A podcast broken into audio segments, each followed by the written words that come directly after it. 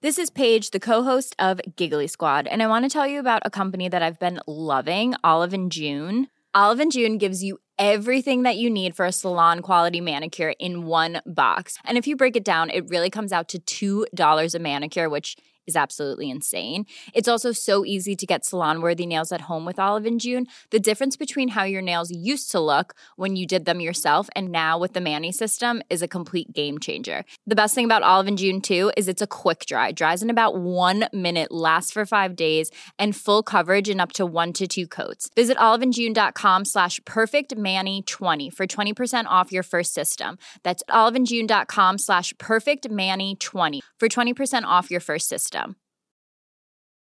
When you're ready to pop the question, the last thing you want to do is second guess the ring. At Bluenile.com, you can design a one of a kind ring with the ease and convenience of shopping online. Choose your diamond and setting. When you find the one, you'll get it delivered right to your door. Go to Bluenile.com and use promo code LISTEN to get $50 off your purchase of $500 or more. That's code LISTEN at Bluenile.com for $50 off your purchase.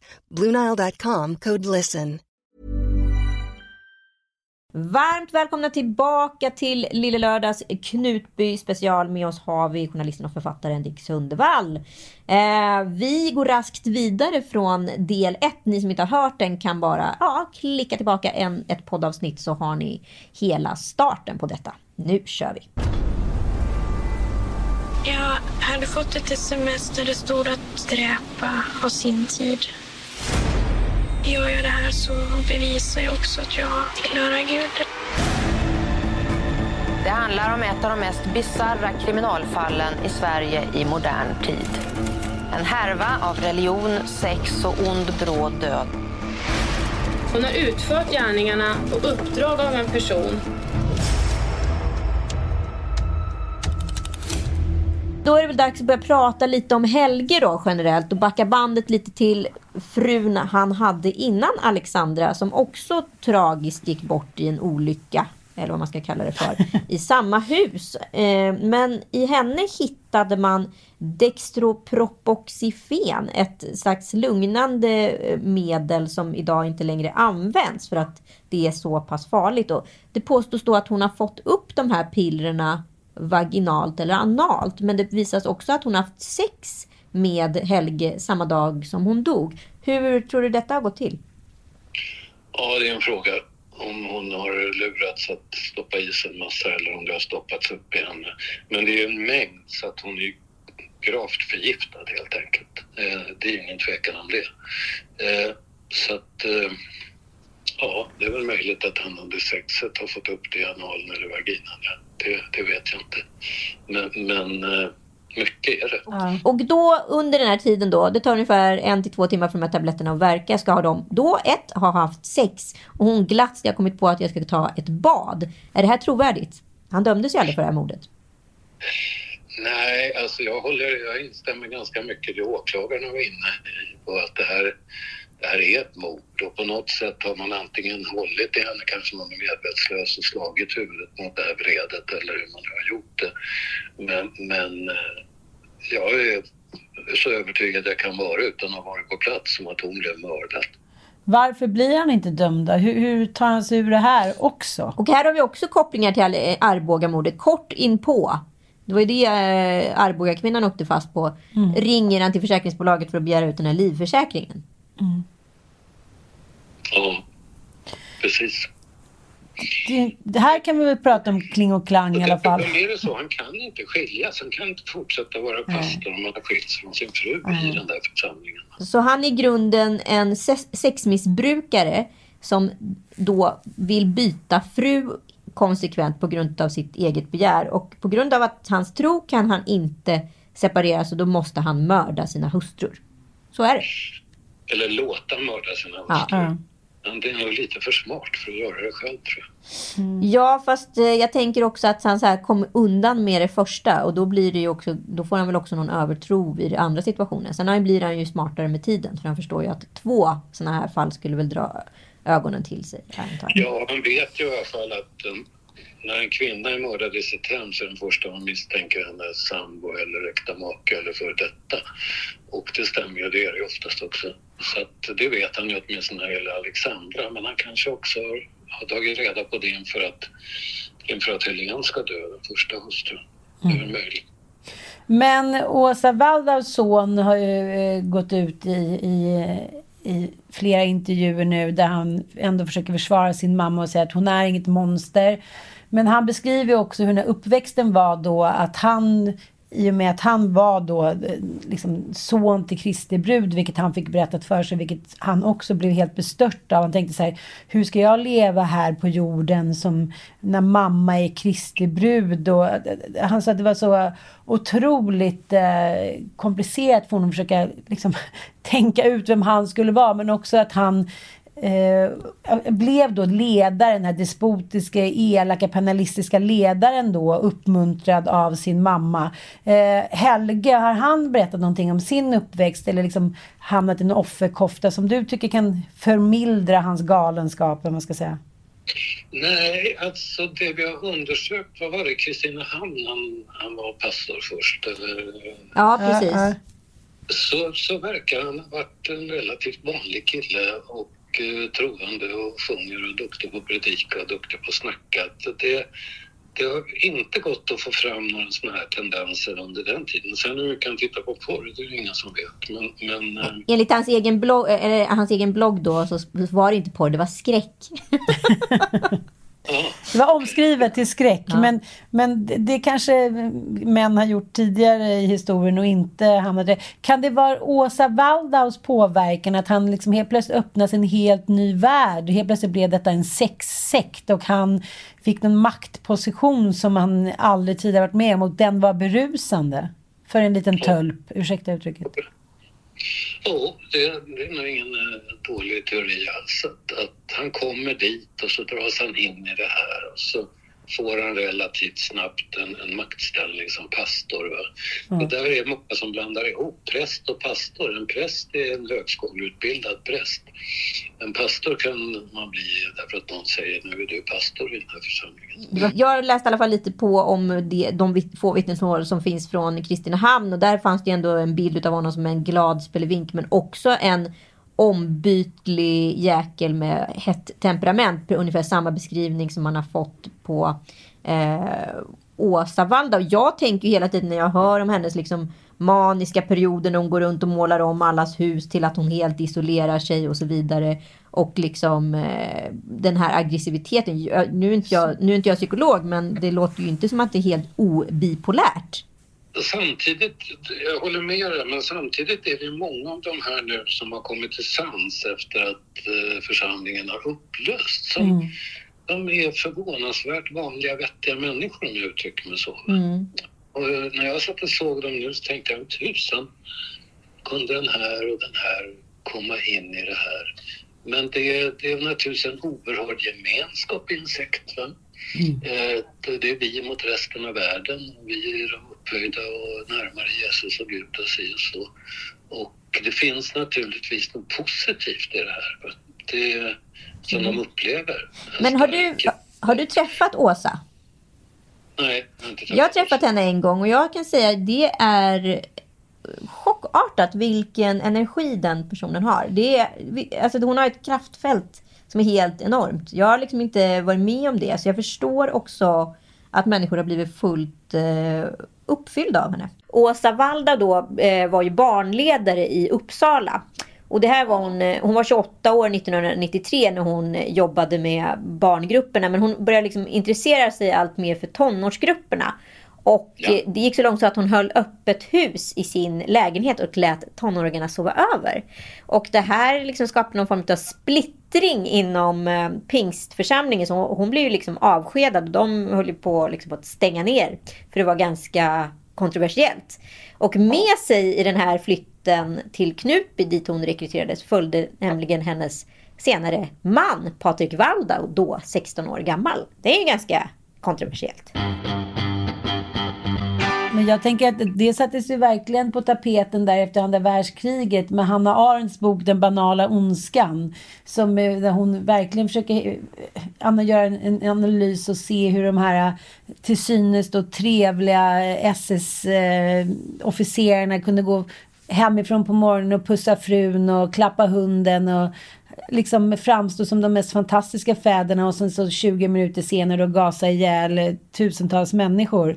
Eh, det är ju inte okomplicerat det här liksom psykologiska. Jag tänker också de här tre pastorerna som nu var åtalade då för misshandel och eh, ja, tidigare då man ser dem i intervjuer då som framstår som otroligt sympatiska och ångerfulla och liknande. Och det, det är ju det här med, med sekter, att man också isoleras. Det, är som, det kan du ta i ett annat eh, psykologiskt grepp, som att man är medberoende, att man liksom får en kidnappad hjärna av starkare människor och man kan inte stå fri från dem. Man blir liksom, man har hela tiden andra fokus. Och här var ju både då fokus på Gud och Jesus, men också de här minigudarna då i Åsa Balda och Helge Fossmo. Och, och det är ju mycket av den här förklaringen att man, man tror på fullt allvar att det är Guds ställföreträdare på jorden. Och det trodde ju även Åsas son, vilket säger mycket om vilket starkt grepp de här människorna har kring sin församling. Och de, det är inte att de har valt att bo i en storstad, det gör de ju aldrig. Utan det är små ställen där, kan, där galenskapen kan pågå, där man kan isolera sig utan att det är så många som då så att säga lägger märke till det. Liksom. Så det är mycket som, eh, som spelar in. Oh ja. Och, det, och, och, naturligtvis finns det, nu får vi reda på allt negativt som hände, men det är klart att det finns en positiv mm. gemenskap. Mm. Det är ungefär som när man, när man ska tala om för ungdomar att ni ska inte börja knarka och så talar man om allt hemskt. Men haschgänget med 13-14-åringar, det är en oerhört tolerant gäng. Det är okej att du har finnar för du är med i haschrökargänget mm. och, den, och därmed är du intagen i det. Och förklarar man inte det, då går det inte att förstå varför de börjar röka på och det kanske så småningom går ut i tyngre. Mm, mm. Det, och det är klart att det fanns något positivt i det här i, som de upplevde. En stark gemenskap, en bra ekonomi. Va? En tillräckligt bra ekonomi för att Åsa och en del pastorer inte behövde arbeta. Det är billigt om man åker 10 mil ungefär från Stockholm eller 5-10 mil med hus och, och, man hjälps åt och man bygger och man fixar. Mm. Och eh, man har råd att ge påsar, mycket guld och juveler och grejer. Det, det var nog ingen som, som eh, gick på knäna ekonomiskt utan de levde ett ganska bra liv. Vi skulle prata lite extra om Helge, mer än vad vi faktiskt har gjort. Vem är han? Liksom? För det första som sker när han då blir arresterad på sjukhuset efter att han följt med Daniel Linde i ambulansen, vilket också är den perfekta flykten. Eh, då ler han ganska ofta i förhören. Ja. Den 21 januari i år klockan 16.36 så skickade du ett sms till Anette. Mm. Min, min, min. Ja, det är du sannerligen. Och det är jag glad, så glad för. Jag älskar allt du är med allt jag har. Nu håller vi helt tätt. Mm. Vi är ju ett. Mm. Vad menar du med det? Hålla tätt? Att stå eh, väldigt nära varandra i, i hjärtat, det har med enheten att göra. Det har inte med läckor att göra. Det har med att göra att stå tight, eh, nära varandra. För varandra, beroende. Nu står vi helt tätt, okej, okay, det kan jag förstå. Men nu håller vi helt tätt. Ja. Ja, det är i alla fall vad jag menar. Ja, jag har pratat med honom ett antal gånger efter att han blev dömd i telefon. Och eh, han är oerhört trevlig och, och eh, att göra med. Och sen så tyckte han inte det var roligt att prata med mig längre när jag sa att du vet betydligt mer än vad du berättar om och är du inte beredd att göra det så, så tycker jag inte det är mycket idé att ha de här samtalen. Jag försökte locka honom för jag sa det att om det nu är som jag tror, att bara har dödat de här, då har inte du heller fått henne att döda dem. Så det måste ju vara i ditt intresse att, att berätta då om hur det är. Men jag kom inte längre. Han envisades med att säga att jag, nej, det var fel, jag vet inte. Men jag upplever honom som extremt manipulativ. För till och med när jag kollar på eh, dokumentären så kan jag ju känna liksom, sympati och empati för honom stundom. Eh, men han är extrem. Samtidigt så känner jag hela tiden att han är så extremt följsam och medveten. Han kan liksom ikläda sig vilken roll som helst som passar mottagaren. Så att det är ju väldigt svårt att eh, förhöra en person kan jag tänka mig som eh, Helge. Ja, det är väldigt talande där när han i slutet av någon förhörsgrej talar om att han en dag vill bjuda dem på middag. Då kan inte jag få bjuda ut er på middag en kväll. Och det vore väldigt roligt att träffas på lite andra, under lite andra omständigheter. Om det blir så. Ställer du upp på det? absolut. Det är klart vi ställer upp på det. Vi ställer inte upp på en gratis måltid. Även om det inte blir så Helga så ställer jag upp på det. Nej, det, det är ingen tvekan om att han, han läser av och, eh, och försöker och har, är väl van då att ta sig fram med sin svada i alla tänkbara sammanhang. Ja men precis, man tror liksom att en sån regelrätt psykopat skulle vara som en Dr. Lecter, inte, inte en gnolande Kristinehamnsbo liksom. Eh, med runda glasögon och några trivselkilon liksom. Men, Nej, precis. Det är inte den här bilden i, i filmer med extra ljusa ögon och blick och så vidare. Men så är det ju sällan. Jag kommer ihåg när jag första gången på ett fängelse skulle, skulle träffa en kille som satt för vad polisen beskrev som ett bestämningsmord. mm. Och jag hade ju föreställt mig några iskalla ögon och, och eh, någonting sånt där. Och så kom jag in och han är tatuerad och han är väldigt musklig och han har ett svart linne på sig. Så reser han sig upp i det här rummet där vi ska träffas, kommer fram, tar mig i hand och säger hej och ler och med väldigt varma ögon. Mm. ja. Det var allt annat än vad jag hade föreställt mig. Vi lärde känna varandra så alltså småningom, skrev en bok om honom. Men, men eh, så att det där... Eh, och samtidigt har han då jobbat som torped. Han tillstår ju det där mordet och han tillstår att han har knäckt en del knän och armbågar och så vidare i livet. Eh, och, och länskriminalen säger att det är åtminstone fem mord till som han är skyldig till inom de här kriminella kretsarna. Men han, barn tycker väldigt mycket om honom.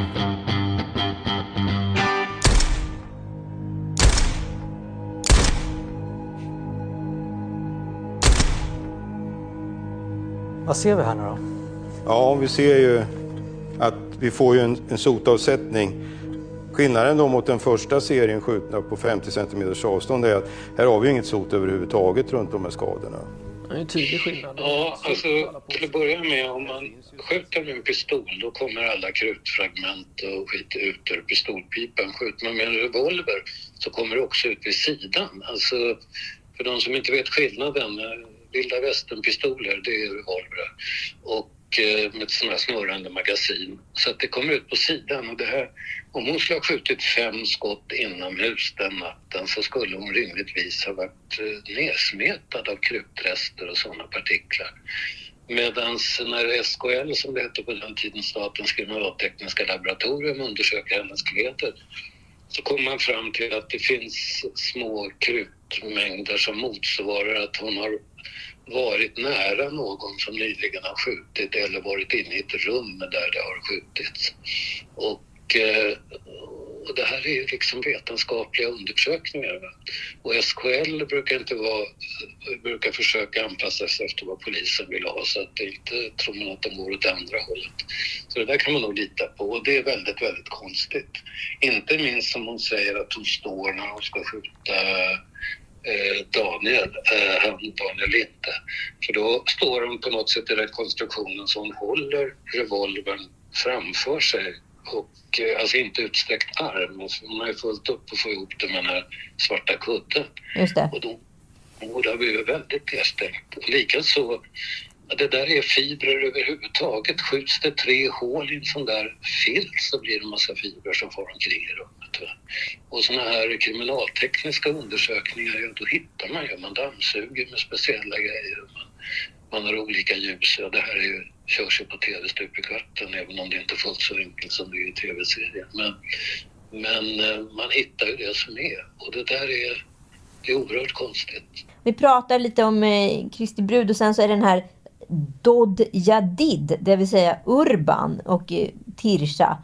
De här två personerna har ju hela tiden varit några skuggfigurer men det var ju också de som var de andliga ledarna i Knutby. Vad tror du hennes koppling till de här brotten har varit? Det, alltså det är ju ett ganska kallblodigt mord på Åsas syster.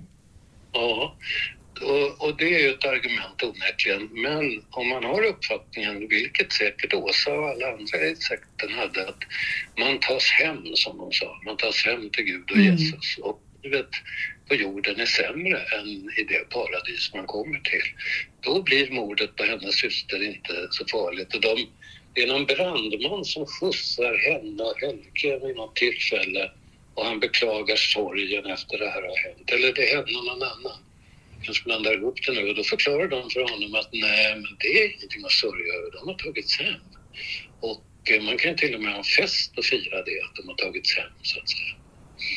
Och eh, Åsa, eller i fall eh, den här eh, sekten, tror ju att hon är som helst ska tas hem och gifta sig med Jesus. Ursäkta mig lite råraljerande, men när det gäller hennes son så måste väl han ha funderat på om den där Jesus som ska bli hans styvfar är någon han kommer att gilla. Ja. ja, det var faktiskt lite så Ja, han uttryckte det så här. Och tänk dig själv att vara liksom 10-12 år och får man höra att, att mamma nu, nu kommer hon tas hem till himmelen och Ah, herregud, det, det, de sa ju också det, de här journalisterna som har gjort den här nya HBO-serien, att de har aldrig under sin karriär, som är ganska gedigen, och de är ju ganska hårdhudade om jag har förstått det rätt, träffat så mycket förstörda och traumatiserade människor som de människorna som Knutby så att säga har lämnat efter sig. Och det är också ganska anmärkningsvärt tycker jag för en liten håla i Sverige om du förstår vad jag menar. Ja. Eh, Nej, men det är klart, när man kommer ur det där och ser tillbaks på det så måste det rimligtvis bli grubblerier, existentialistiska grubblerier. Vem är jag egentligen? Vad har jag varit med om? Hur kunde jag vara inne i det där? Och så där. Det, det är nog mycket att göra upp med under många år. Sen var det ju också att, att, eh, jag vet inte om det var med i dokumentären, att när rättspsyket och sånt där efteråt, om någon talade illa om Åsa Waldau, så hyschade ju Sara den personen och sa tyst, hon hör. Just det. Ja, just det. Och då sitter hon på ett rättspsyk i Vadstena. Mm, mm. Och knöp. Nej, men jag ville det aldrig. Ville aldrig. Jag ville aldrig döda. Jag ville inte det. Det var inte... Alltså jag ville verkligen inte det. Men jag var så... Eh, tvingad. Hade inget val att göra något annat. Det var... Den som tvingade mig var Helge. Nej, Att, att hon överhuvudtaget ställer upp det, gudarna ska veta att jag har försökt få intervjuer med henne. Ja. Prata med människor som finns i hennes närhet Ja. och inte kommit i närheten av det. Och att det erbjuder mig att första gången i ett samtal, inte intervju och ingen bandspelare, men ändå inte. Men nu har det ju hänt någonting, nämligen de här rättegångarna om misshandel där bland annat Åsa Waldau Mm. och då när man ser de tv-bilderna, nyhets-tv-bilderna, när hon från en strålande person mer och mer framstår som en liten böjd gumma. Ja. Och verkligen inte utstrålar någonting, hon utstrålar bara stor svaghet. Va? Ja. Då törs tydligen både Sara och Helge också säga andra saker. Alltså det, det, hon är en helt annan, och det är ju riktigt, hon utstrålar ju vad hon är i för situation idag. Mm. Att det, hon är ju svag och det är ingen som sluter upp runt henne. Jag tittade nyligen på de där bilderna och jag trodde först inte att det var Åsa. För att det är som du säger, he, hennes karisma är som borttrollad och hennes magnetism verkar inte finnas kvar. Och då, det kanske är då att kontrollen, det har släppt taget lite om de här medlemmarna och de kanske vågar öppna upp sig på ett annat sätt när de inte känner att hon är lika stark. Nej, att hon överhuvudtaget blir åtalad. Mm. Att hon är åtkomlig så att säga. För det kan ju inte Gud bli. Guds brud, Jesu brud. Nej. Nej. Men samtidigt så har det inte varit några fler mord efter det här. Så att så här, är, vad, vad är liksom... Vad är din... Och de här, båda de här morden som har varit har varit kopplade till Helge Fossmo och hans hus. Liksom. Eh, vad, vad, vad är dina slutsatser? Hur har det gått till? Ja, det...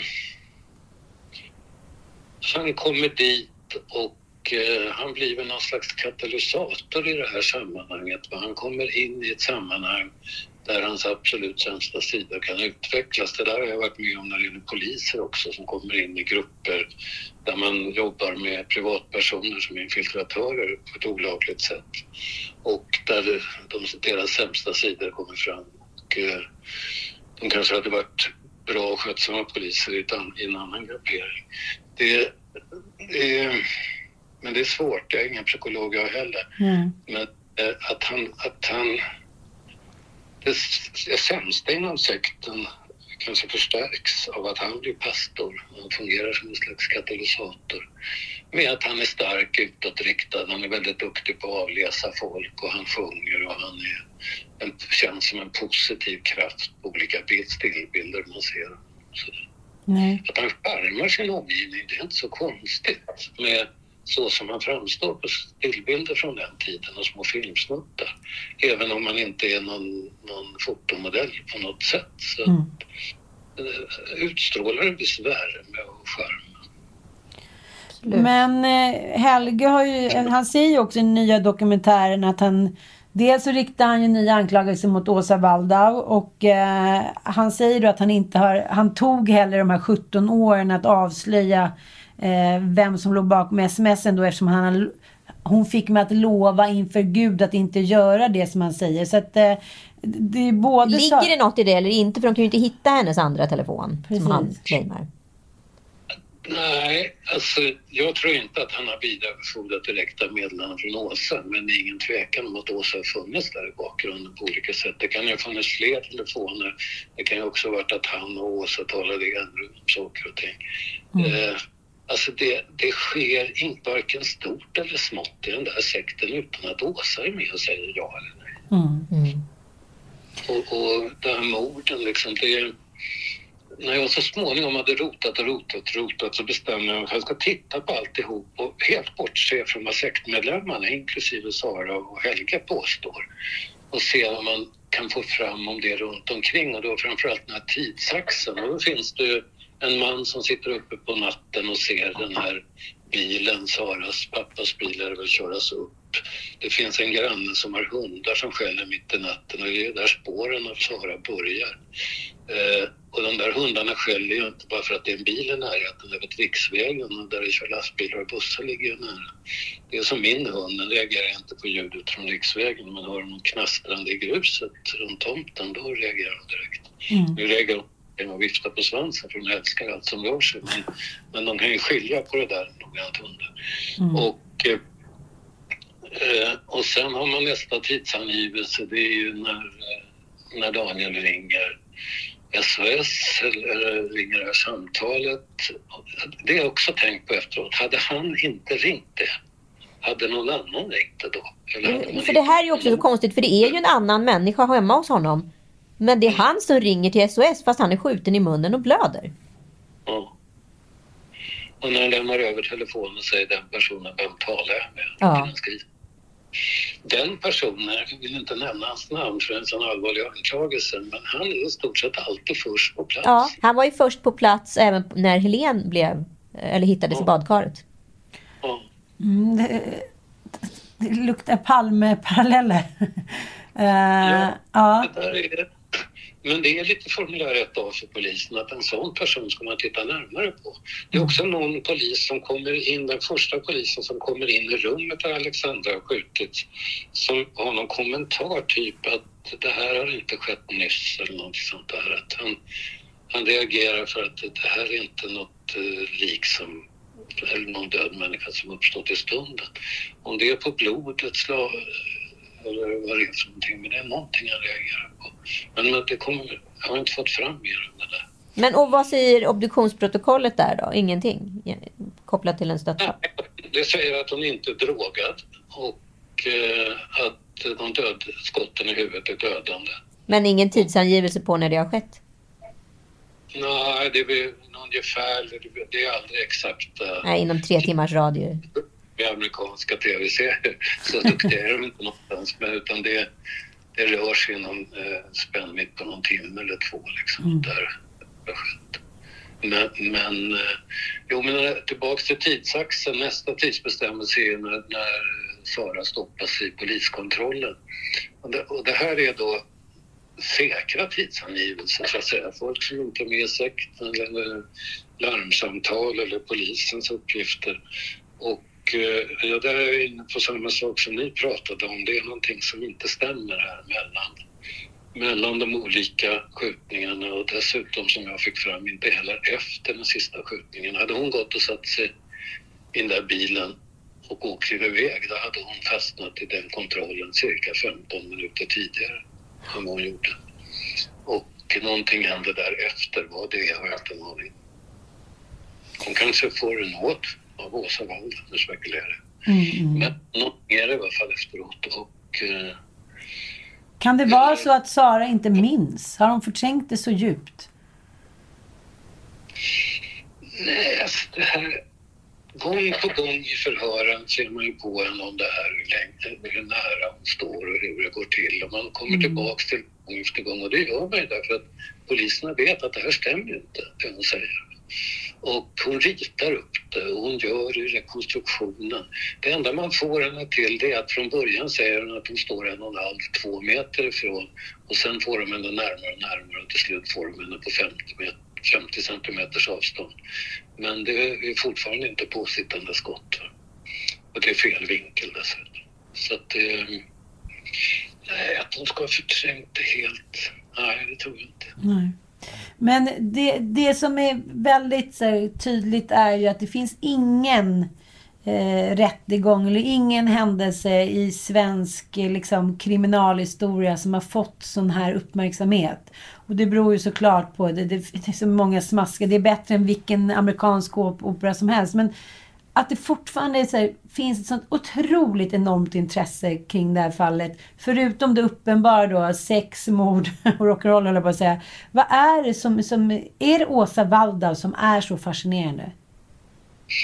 Ja, och alltihop, hela tanken på att den här unga eh, tjejen ska ha begått råa mord. Va? Jag tror att var den legendariska fängelsechefen Ann-Britt Grünewald fick frågan i någon radiointervju om det fanns några brott som hennes intagna gjort som hon själv skulle kunna tänka sig göra. Ja, sa hon, mord. Och den som intervjuade blev lite förskräckt och sa, menar du då? Jag tror de flesta människor ibland har slagits av tanken, borde döda den där jäveln. Det kan räcka med en situation i trafiken. Men man gör Eller hemma. och, eh, så att, och de, väldigt, väldigt många mord begås av människor som inte finns i kriminalregistret. Eh, inte ens har en fortkörning på sig eller en rödljuskörning på sig. Så att, det, är, det är ett brott som utmärks av att det är ofta nära och kära som, som gör det och så kallade hedliga arbetande människor. Och det där är väl lite fascinerande, det är därför deckare ofta handlar om just det. det och sen är det ju hela historien om att man beslutar, man är troende och man beslutar att nu ska de här dö. Och i troende perspektiv så gör man sig på något sätt till Gud genom att avgöra när någon ska dö. Så det, det blir också väldigt intressant. Och sen allt sex och, och hela den här sekten naturligtvis. Och det här att Åsa hade sagt att de skulle samlas hemma hos varandra till åtminstone klockan två på natten. Det var tydligen någon som till och med hade somnat, värdparet i ett av husen. Och folk var kvar. De hade suttit och somnat vid ett bord. Vadå, det här har jag missat. Säg. Nej, hon hade, Åsa hade sagt till att just den här kvällen, alltså de här åt ju ibland i olika små grupper, va? som man gör i vilket litet samhälle som helst, var hemma hos varandra, fika eller åt. Men här har de blivit tillsagda att vara hemma hos varandra och samlas i olika hus. Och åtminstone till klockan två på natten, hade Åsa sagt, det här datumet. Och eh, vilket de gjorde. Med undantag då för, eh, vad heter han, Daniel Linde, som var ensam hemma. Men det här måste ju Åsa Wald ha blivit... Eh, fått en fråga om under förhören. Ja, det tror jag inte. Och har de fått det så har de bara sagt ja, men jag uppmanar folk att umgås med varandra och äta middagar med varandra. Ja, men hon har också gjort enbart vad är det, två förhör med Åsa Waldau. Det har inte varit fler än så. Och dessutom den som, fick, den som förhörde Helge och Sara, det var ingen av dem som förhörde Åsa. Det där är... Starkt jobbat PG. Ja. Det värsta är att jag, jag skulle kunna tänka mig själv och tänka som åklagare och polischefer. Låt säga att jag sitter som chefredaktör och jag har två, tre som bevakar det här som hände i Knutby. Och att jag då skulle säga till dem i ett visst läge, vänta nu, det här spretar alldeles för mycket. Va? Släpp det här religiösa skiten och koncentrera er på skjutningarna och, och det som har skett. Alltså det, det skulle jag kunna föreställa mig, gudskelov har jag inte gjort det. Men, Mm. men, eh, och därmed kan jag förstå perspektivet. Åklagaren säger ju i något sammanhang, den kvinnliga åklagaren, att det här handlar inte om om religionen och så vidare utan det här handlar om mord och mordförsök. Det, det är så uppenbart att man försöker ta bort det här eh, och bortse från det och då hamnar man fel, det förstår man inte. Nej. Förstår man inte att man i den här sekten ser en dödad medlem som någon som har fått det bättre. Det handlar om ett av de mest bizarra kriminalfallen i Sverige i modern tid. En härva av religion, sex och ond bråd död.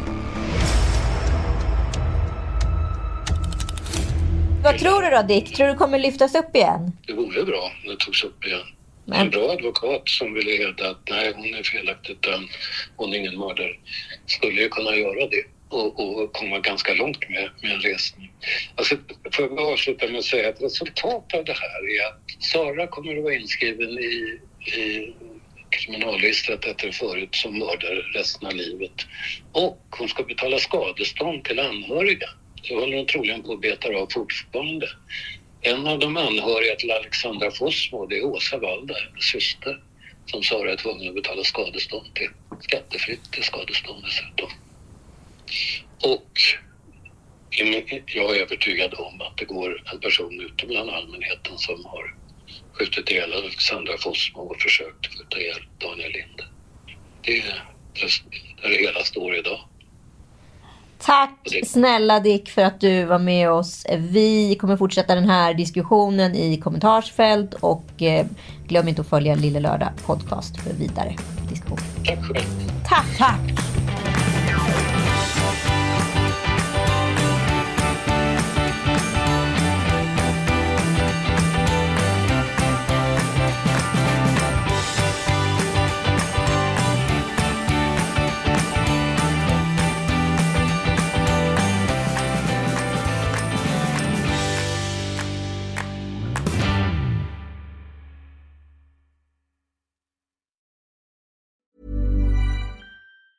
Planning for your next trip?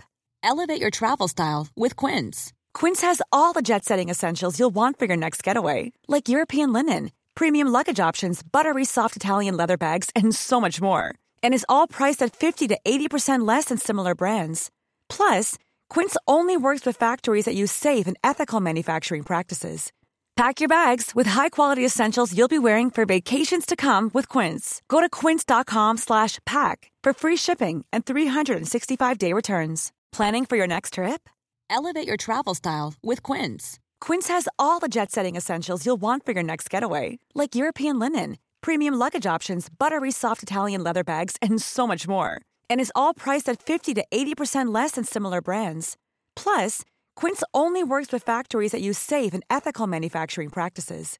Pack your bags with high-quality essentials you'll be wearing for vacations to come with Quince. Go to quince.com/pack for free shipping and 365-day returns.